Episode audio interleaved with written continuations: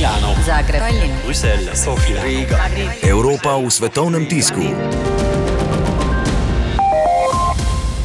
V nemškem Frankfurter Allgemeine Zeitung pišejo, da Evropska komisija Italijo poziva naj do jutri pojasni poslabšanje stanja javnih financ.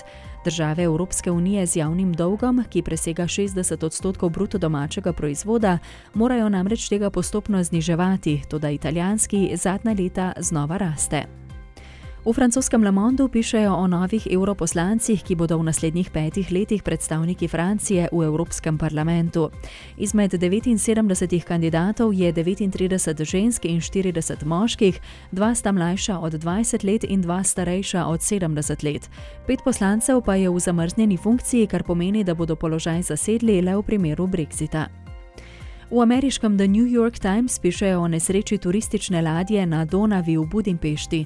Ta je v močnem nalivu trčila v večjo rečno ladjo, pri čemer je življenje izgubilo sedem turistov iz Južne Koreje.